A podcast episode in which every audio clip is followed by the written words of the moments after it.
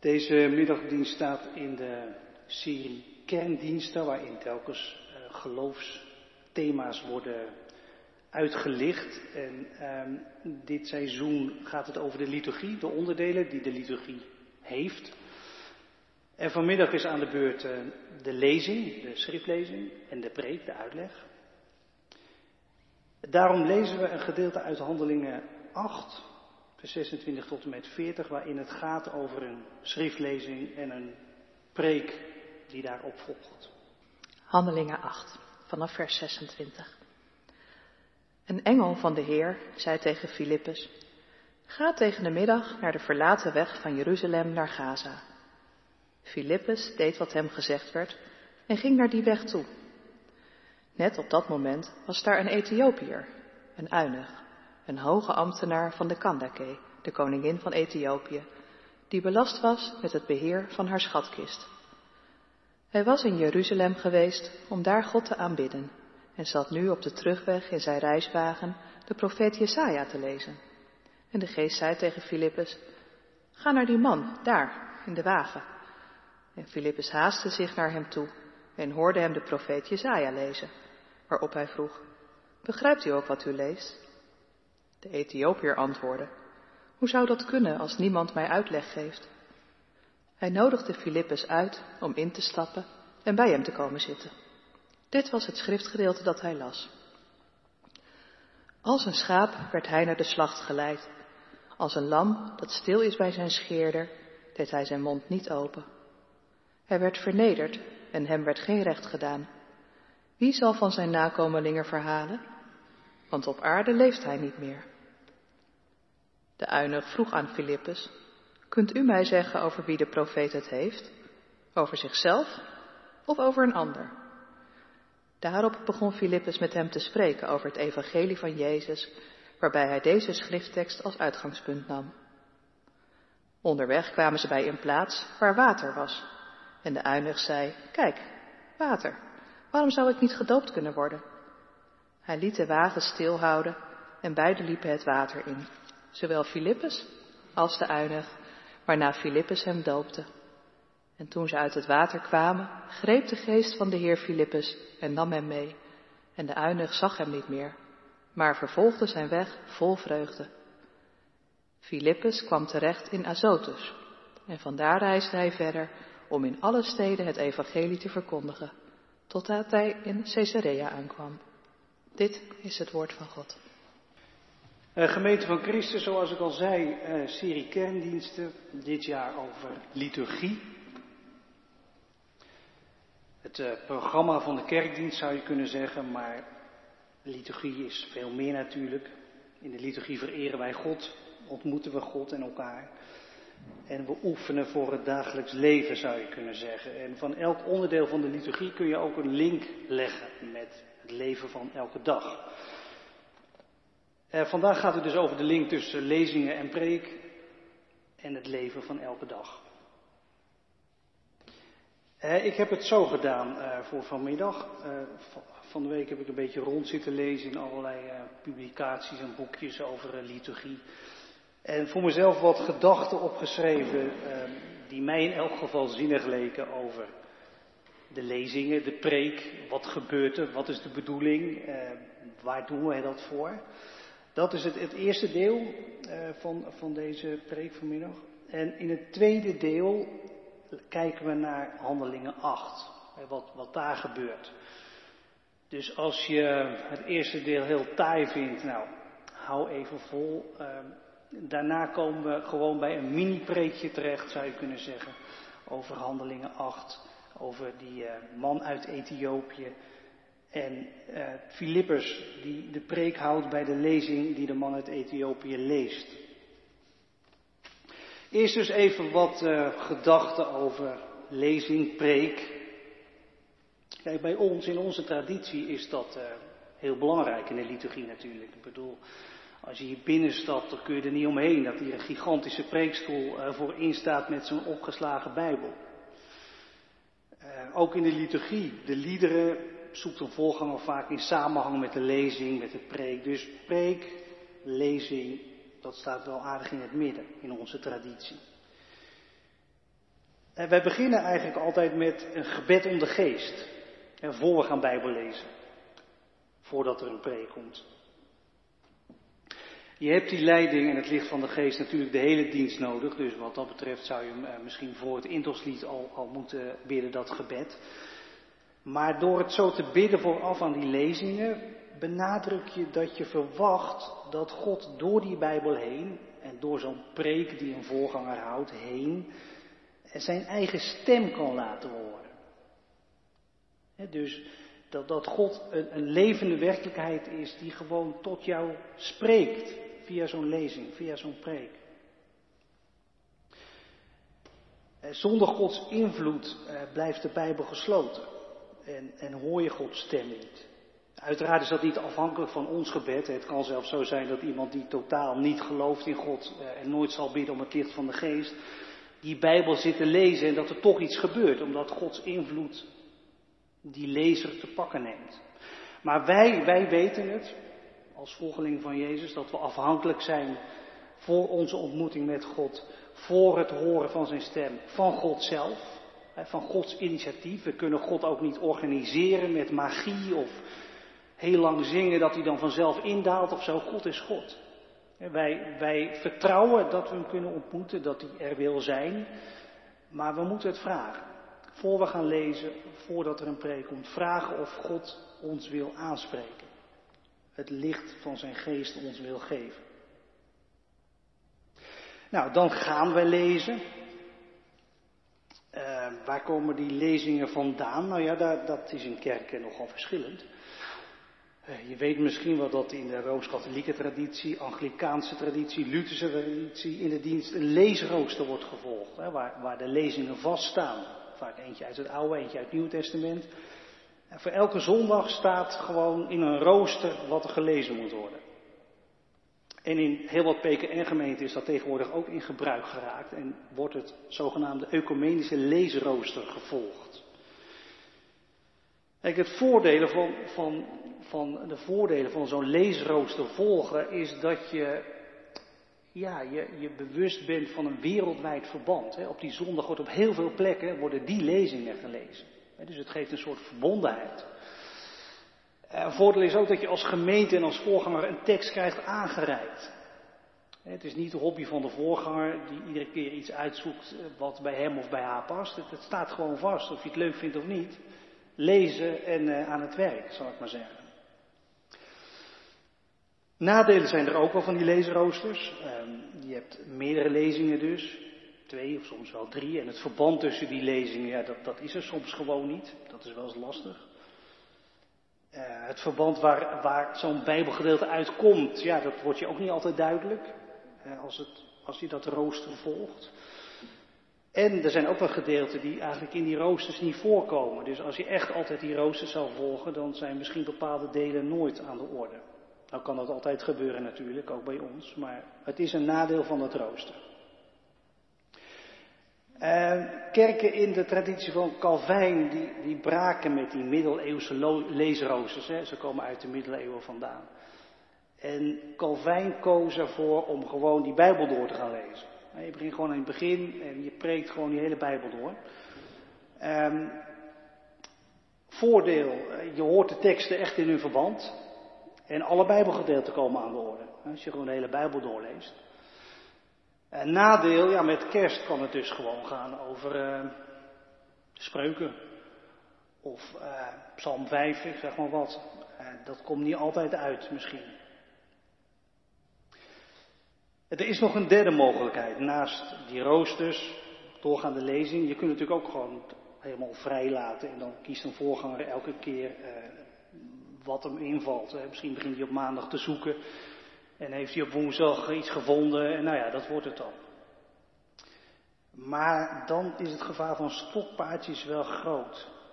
Uh, ik, nou ja, ik vind het geen aantrekkelijke uh, keuze om het zo te doen.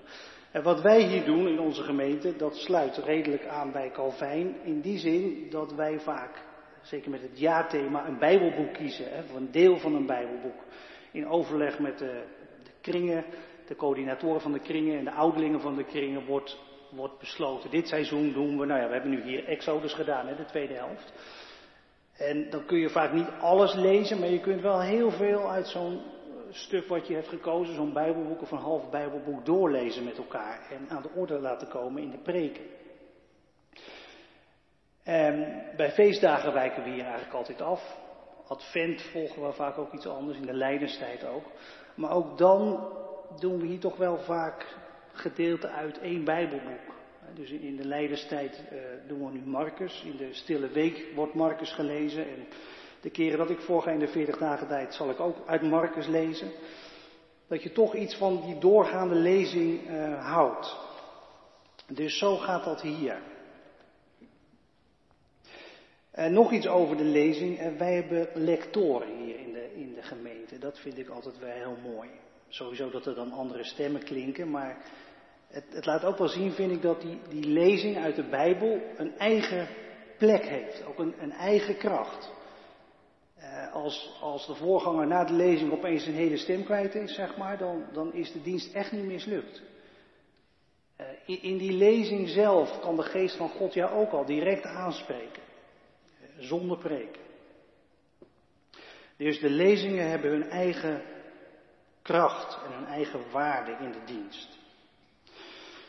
Nou, dus gebed in de geest, dan lezen we uit de Bijbel en dan komt de preek. Het bediening van het woord wordt dat wel genoemd. Een voorganger bevestigd in het ambt en geroepen door God en de gemeente, die legt de Bijbel uit. Die moet, dat is een roeping, die Bijbelteksten laten klinken, zodat het woord van God erin oplicht in de context van vandaag. Je weet misschien, in de protestantse kerk waar wij bij horen zijn voorgangers universitair geschoold. Dus die opleiding die kunnen en moeten ze gebruiken bij het maken van die preken, bij het preken zelf. Een preek, ja, heeft dus met uitleg te maken, dat zei ik al. Uh, maar een preek is ook voordoen, hoe je Bijbel kunt lezen, dat je Bijbel moet lezen, Leren dat je God zoekt, Gods aanwijzingen, Gods vergeving, Gods genade, Gods correctie. Uitleg, voordoen, ja, en, en toepassen, daar, daar kom ik zo nog wel op terug. Dat het over vandaag gaat. Het heet dus heel mooi bediening van het woord, die preek, maar een preek is natuurlijk niet, tenminste ik zeg er maar natuurlijk bij, eh, niet in absolute zin het woord van God. Dat hoef ik hier ook niet te vertellen, maar Goed, dan weten jullie dat ik het ook weet. Een preek is, uh, is mensenwerk, zo te zeggen. Het is gewoon een mannetje of een vrouwtje die achter een bureau biddend, uh, dat wel, op zoek is gegaan en is gaan luisteren naar een tekst en is gaan zwoegen om daar ja, een, een preek bij te maken. En, en ook niet elke voorganger zal je aanspreken. Als voorganger ben je gewoon beperkt in je, in je range, zal ik maar zeggen. Dus hij of zij kan sommige mensen misschien wel nooit aanspreken, omdat er gewoon niet ja, de goede klik is of de goede eh, taal. Je weet het niet hoe dat precies werkt. Dus het is beperkt. Uh, het is mensenwerk, kun je zeggen. En ja, ik zelf, ik, ik hoop en bid altijd bij het maken van zo'n preek. Uh, dat dat God er zelf voor zorgt in een dienst dat, dat een woord of, of een gedachte, dat dat voor luisteraars woord van God wordt. In, in, in, in deze week, op deze dag, op dit moment, in deze context. Eh, dat, dat heb je volgens mij ook nodig, ik wel tenminste. Dat je gewoon in de, in, in de context van vandaag, het moment van nu, iets nodig hebt van God. Een woord, dat je vermaant of troost of de weg wijst. En ik bid er dus altijd om dat, dat God ervoor zorgt dat iets uit die preek, al is het maar één flart, dat dat voor iemand Gods woord wordt. Want het is het dus niet automatisch, het moet het worden. Door de kracht van de geest. Nou ja, daar is dat gebed om de geest ook voor natuurlijk, dat dat gebeurt. En het bemoedigende vind ik wel dat het dus ook uh, gebeurt. dus dat, dat het ja, toch wel met regelmaat gebeurt, tenminste dat ik dat dan hoor, dat, dat iemand precies iets heeft gehoord wat hij op dit moment nodig had. En dat weet je meestal niet als voorganger van tevoren. Het gebeurt ook als je ergens te gast bent. je, je, houdt ergens anders in een gemeente die je helemaal niet kent een preek. Dan zeggen mensen soms ook bij de deur, nou, dit was voor mij precies wat ik nu nodig had. Nou, dan denk ik altijd, zie je, er bestaat toch een God. En, en de geest van God, die, die doet gelukkig zijn werk. En dat kun je dus niet organiseren, gelukkig niet. En het gebeurt dus soms wel, gelukkig. Dat is een zegen. En soms, soms horen mensen iets van God in de preek, dat je er als voorganger naar je beste weten niet eens in had gestopt. Dat komt ook nog wel voor. Dus dan hebben mensen hun eigen preek bij de preek gemaakt.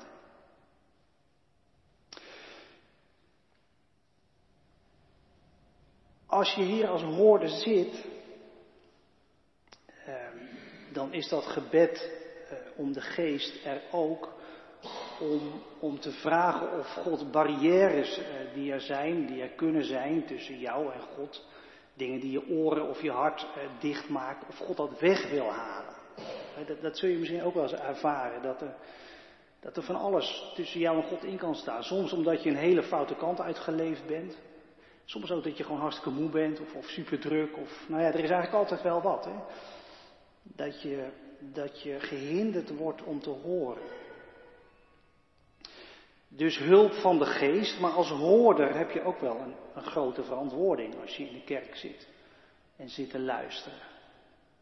Het woord van God is, is niet een soort kant-en-klaar artikel eh, dat je gewoon eh, passief kunt gaan zitten nuttigen met een bak popcorn desnoods erbij of zo, weet je wel. Het woord van God is geen, geen fastfood.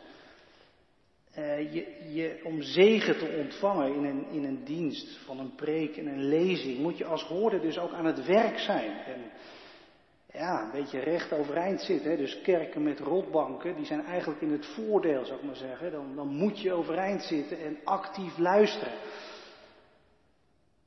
Je best doen om, om je open te stellen, om, om je oren open te zetten.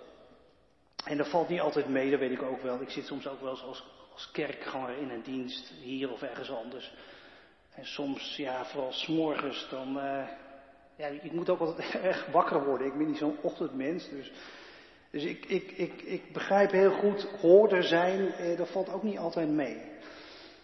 Maar het, het, is je verantwoordelijkheid. Je bent een volgeling van Jezus en je komt hier ook om God te zoeken. En zoeken is iets actiefs.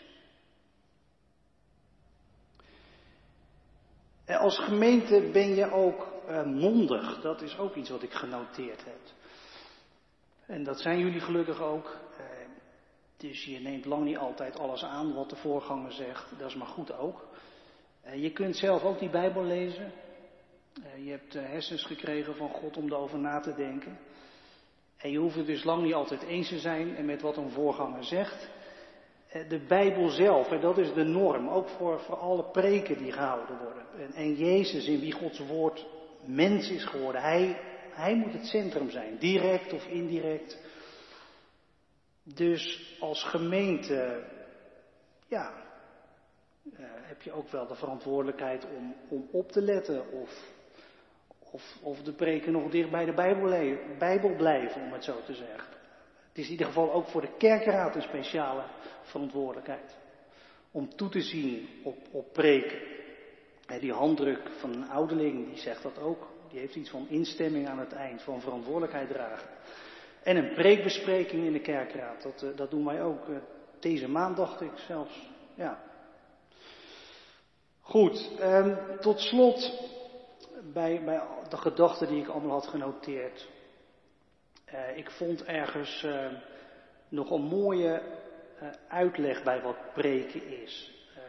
Verbonden aan de, de zogenaamde ambten die je in het Oude Testament vindt. Je vindt in het Oude Testament drie roepingen, drie, drie ambten waar mensen voor gezalfd worden. Je hebt koningen, die werden gezalfd tot koning. Priesters, die werden gezalfd tot priester en profeten gezalfd tot profeet. En bij elk van die drie zit iets uh, wat, wat een preek uh, zou moeten zijn. Uh, koning, het ambt van koning, een koning verwijst naar de koning van hemel en aarde, naar het koninkrijk van God. naar Jezus als Heer, het koninkrijk en zijn gerechtigheid. Dus Wat, wat een preek in elk geval zou moeten doen, is, is daar iets van hebben. Het, perspectief aanbieden wat je op straat niet vindt, in elk geval niet in onze cultuur, dat God koning is. En als je het nieuws een beetje op de voet volgt, eh, dan zou je de indruk kunnen krijgen dat Poetin koning is of nog wat andere eh, wereldleiders. Maar hier, in dit huis van God, zeggen wij tegen elkaar en wordt in de preek gezegd, dat is een functie van de preek, dat God koning is. Dat is, koning. Eh, een preek heeft ook iets van een priester. Een priester deelt de verzoening uit van God bij het offer. En in een preek kan dat ook gebeuren, gebeurt dat vaak hopelijk, dat, dat in die preek en in de lezing, dat, dat de geest van God bij jou, bij mij, relatieherstel bewerkstelligt. Dat hij, dat hij jou dicht bij hem haalt. Dat je dat, dat je dat merkt en dat je, dat je denkt, ja, het is, het is weer goed tussen, tussen hem en mij. En ik ga weer verder met God. Ik, ik ga me weer toewijden. Bediening van de verzoening wordt een preek wel genoemd in sommige kringen van onze kerk. Nou ja, dus een preek heeft iets van de functie van een priester. Je wordt dicht bij God gebracht, relatieherstel, verzoening. En een preek heeft ook iets van, van, de, van een profeet. Een profeet verkondigt oordeel en zegen. Oordeel over het vertrouwen op andere machten. Wat, wat bij ons toch ook vaak voorkomt, bij mij in elk geval wel. En andere goden. Oordeel ook over elke manier van leven waar onrecht uit voorkomt. Onrecht voor mensen, onrecht voor de schepping. En een profeet verkondigt ook zegen voor ieder die de waarde van Gods nieuwe wereld uitleeft. Nou ja, dat tot slot. En, en misschien nog, nog één opmerking. Eh, ik ben mijzelf er altijd wel van bewust dat, dat je als voorganger eh, zowel daar zit als hier staat. Dus die preek eh, is, is ook altijd een preek naar jezelf. Goed, broeders en zusters, zo wat gedachten en notities bij schriftlezing, bij preek. In de Bijbel vind je heel veel voorbeelden van verkondiging, van preken.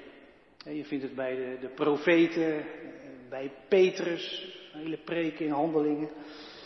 Eh, in handelingen 8 vind je dus een heel mooi voorbeeld van zowel een schriftlezing als een preek. Die over die schriftlezing gaat. De lezing wordt dus gedaan door een hoge ambtenaar uit Ethiopië en de preek door evangelist Filippus. Eh, die hoge ambtenaar is minister van Financiën uit Ethiopië. En met Ethiopië bedoelde men in de oudheid een rijk ten zuiden van Egypte. Een beetje het huidige Soudaan, zal ik maar zeggen. Echt, echt aan de rand van de bewoonde wereld. Dus Ethiopië had ook een hele mysterieuze klank in de klassieke oudheid. Iets exotisch, aan de rand van de wereld. Die minister van Financiën kwam uit Verwegistan. Interessante verschijning, een beetje exotisch, maar wel echt een outsider. Heel ver weg komt die man vandaan. En hij was bovendien een uinig, hij was dus gecastreerd. Eh, dat, dat gebeurde bij zulke mannen vaak al op jonge leeftijd. Om ze zo geschikt te maken voor hoge functies aan het hof van de koningin. En die man was dus helemaal uit Verwegistan eh, naar Jeruzalem gereisd om naar de tempel te gaan om daar God te aanbidden. Het is natuurlijk wel fascinerend dat zo'n man ver weg iets heeft gehoord over God en, en het volk Israël, de God die pretendeert de enige te zijn. En dat hij dan denkt, ik, ik ga gewoon op reis. Een eindeloze reis naar Jeruzalem om God te aanbidden. Maar het zal voor hem niet meegevallen zijn om, om iets van God te ontdekken in de tempel in Jeruzalem. Want niet-Joodse mensen die mochten die tempel helemaal niet in. Die konden slechts komen op een van de pleinen aan de buitenkant van het tempelcomplex. En een uinig, een gecastreerde man, die mocht die tempel al helemaal niet in. Dat staat duidelijk in Deuteronomium 23. Dus die man die merkt bij de poort van de tempel al dat hij niet meetelt, dat hij een ongewenst persoon is, en dat hij outsider is, niet welkom is in het huis van God.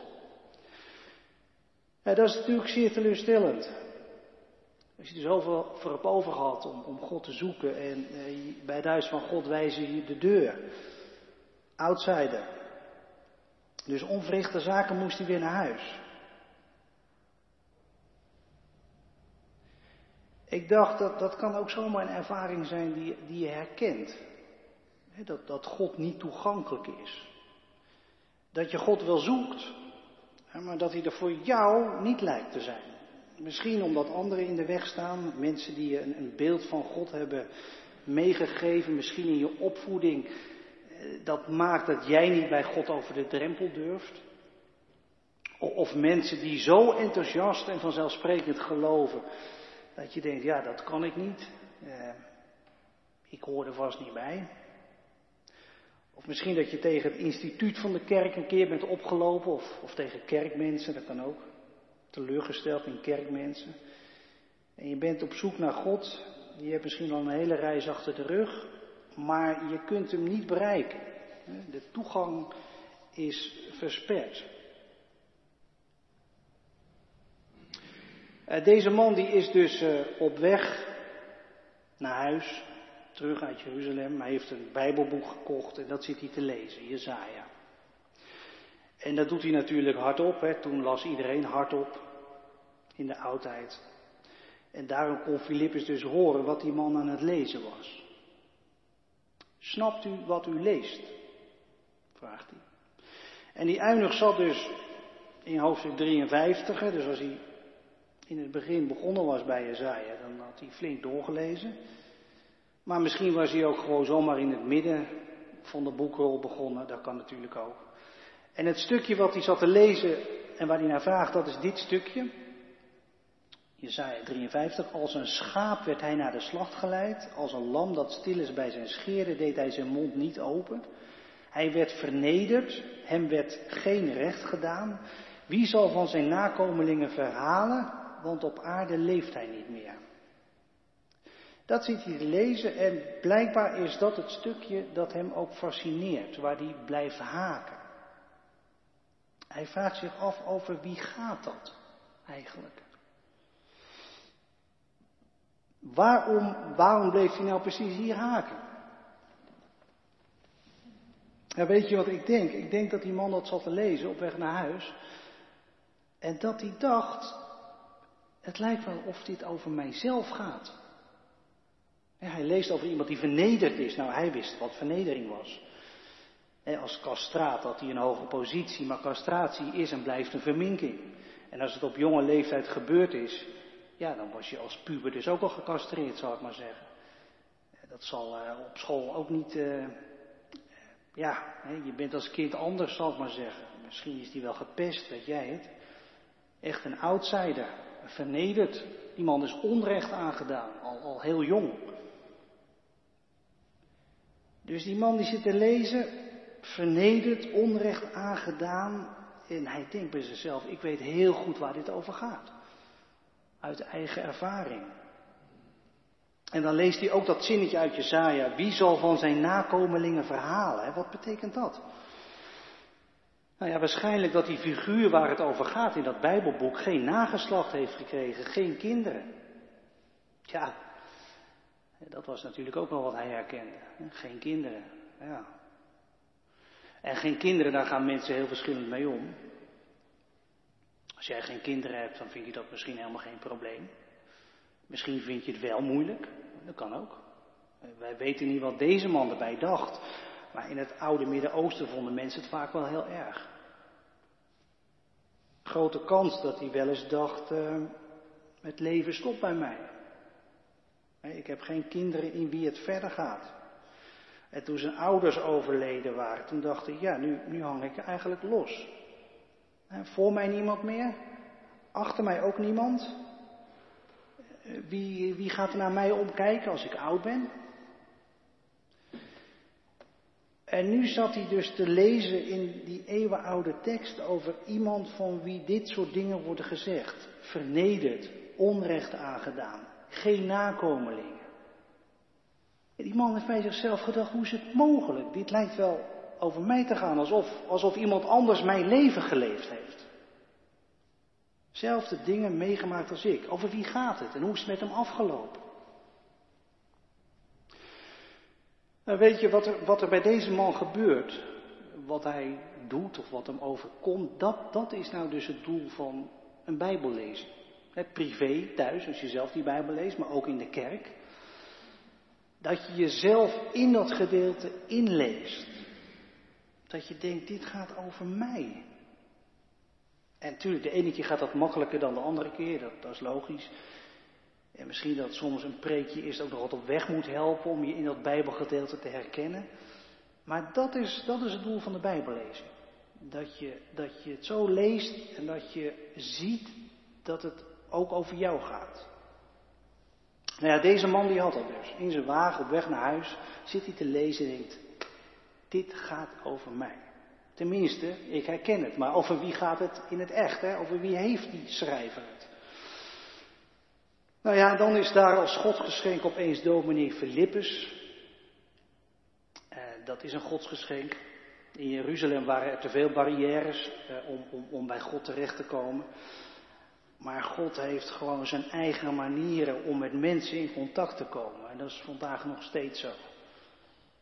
God weet wel hoe hij jou kan bereiken, ook als jij jezelf een outsider voelt of als je God niet kunt vinden. God, God weet jou wel te vinden.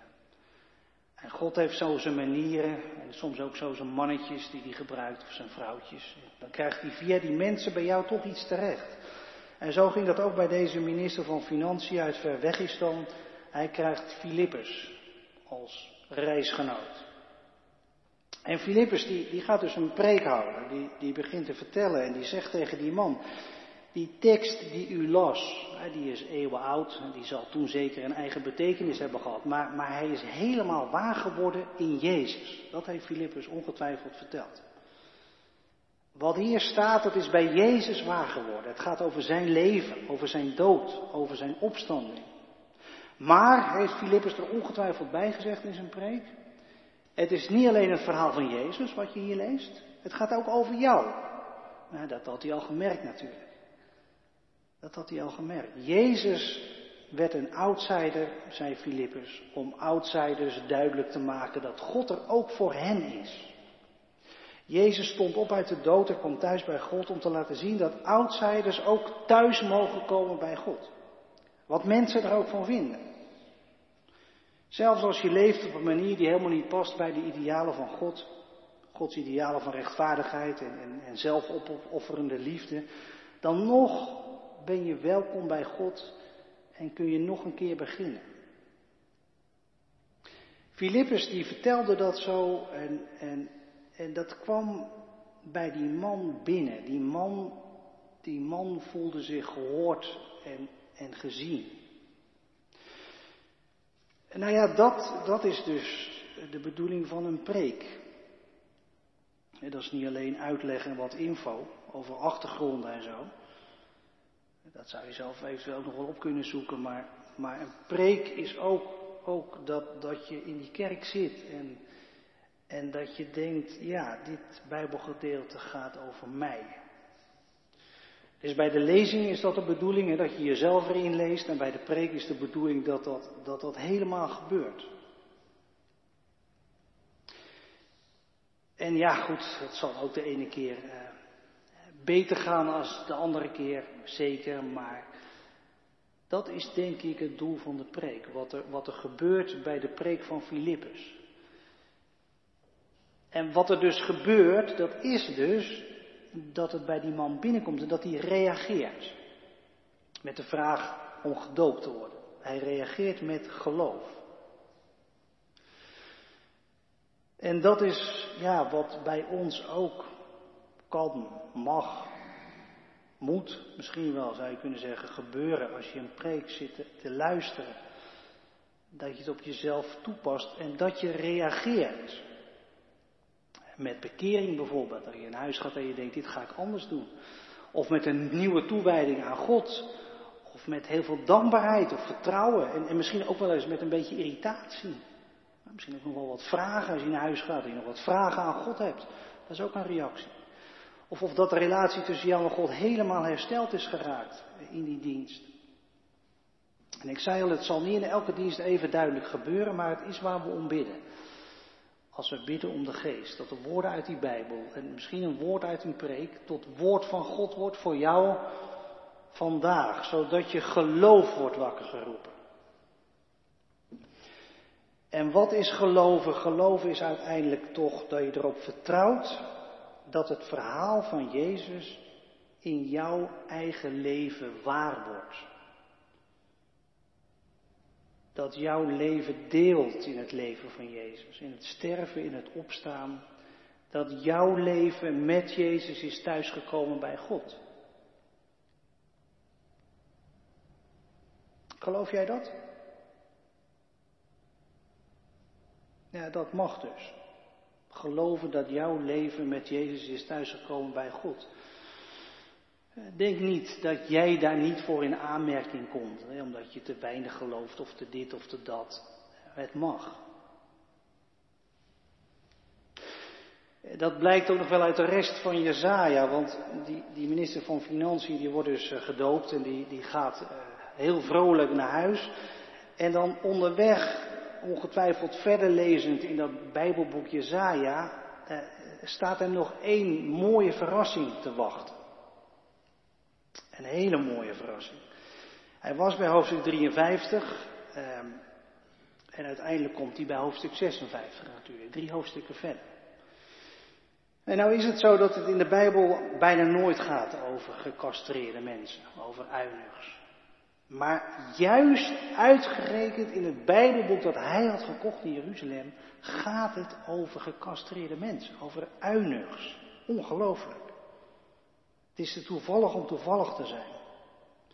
In hoofdstuk 56 zegt God, een uinig moet niet van zichzelf zeggen, ik ben maar een dorre boom, mijn leven blijft zonder vrucht, mijn naam leeft niet door, mijn geschiedenis zal vergeten worden, ik los op in het niets.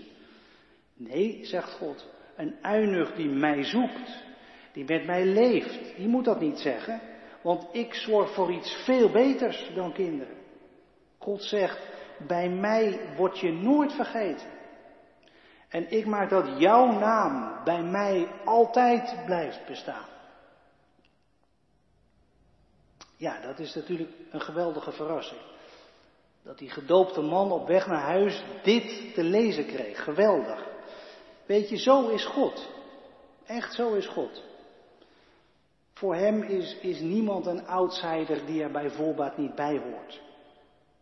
Dus daarom hoeft hier ook niemand te zijn vanmiddag die bij zichzelf denkt dat hij te jong is voor God, of te oud, of te veel outsider, of te dit of te dat, om thuis te kunnen komen bij God. Kom thuis bij God. Gods liefde is ruim en wijd, die omsluit je leven. Van het begin tot het eind en ook nog daarna. Amen.